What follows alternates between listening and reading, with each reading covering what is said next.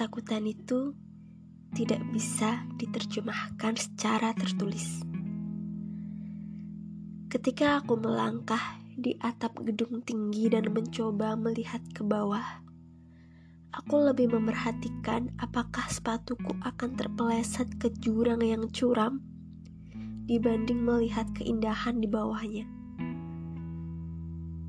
Ketika aku mulai mendongak ke atas, aku sudah tak melihat apa-apa selain awan yang berjatuhan menjadi hujan. Dan tentu saja, hujan itu akan mengairi segalanya yang ada di bawah. Dan aku kembali menjadi tak kebagian apa-apa.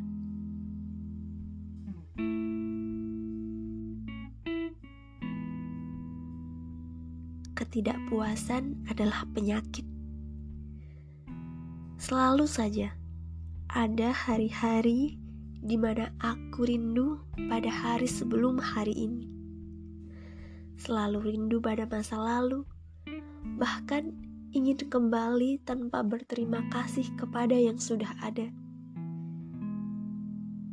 Dan ketakutan pada perasaan tak bisa lebih dari ini sudah memenuhi kepala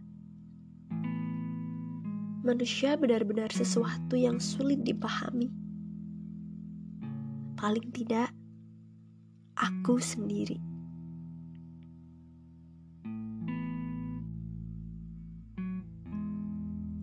Aku duduk di sudut sebuah rooftop sambil memandang yang jauh di bawah. Ketinggian membawa nyeri pada dada. Kesendirian membawa perih pada yang pernah terluka. Rasanya menjadi hampa tak apa, asal tidak lagi terluka. Bukan aku mengharap selalu jadi yang sempurna, tetapi tempat berkawan sudah sulit kutemukan ada.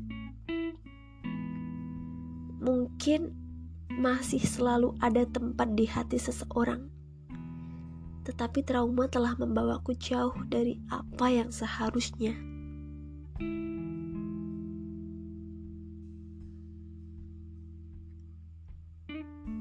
Selebihnya, semua berlangsung seperti sedia kala.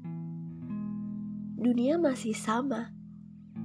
Ya, paling tidak tidak terlalu berubah.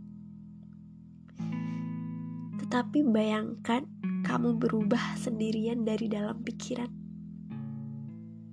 Diri mulai membuat makna-makna baru di dalam kepalamu. Kini menjadi kebingungan. Kini hidup mendadak sepi. Kini hidup seperti mendadak berhenti di sini. Dan itu hanya terjadi pada diri sendiri.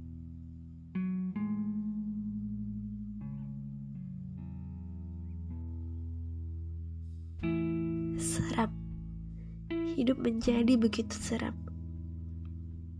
Takut terjatuh, tetapi juga tak berani bertindak jauh.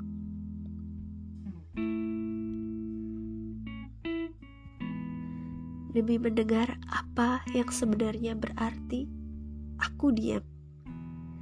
Sebab banyak bicara untuk sekarang tidak akan menghasilkan apa-apa.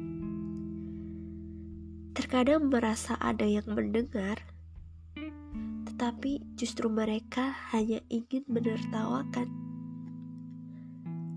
Dari ketinggian, ini terlalu menakutkan. Dari jauh dan sendirian, ini terlalu menyeramkan.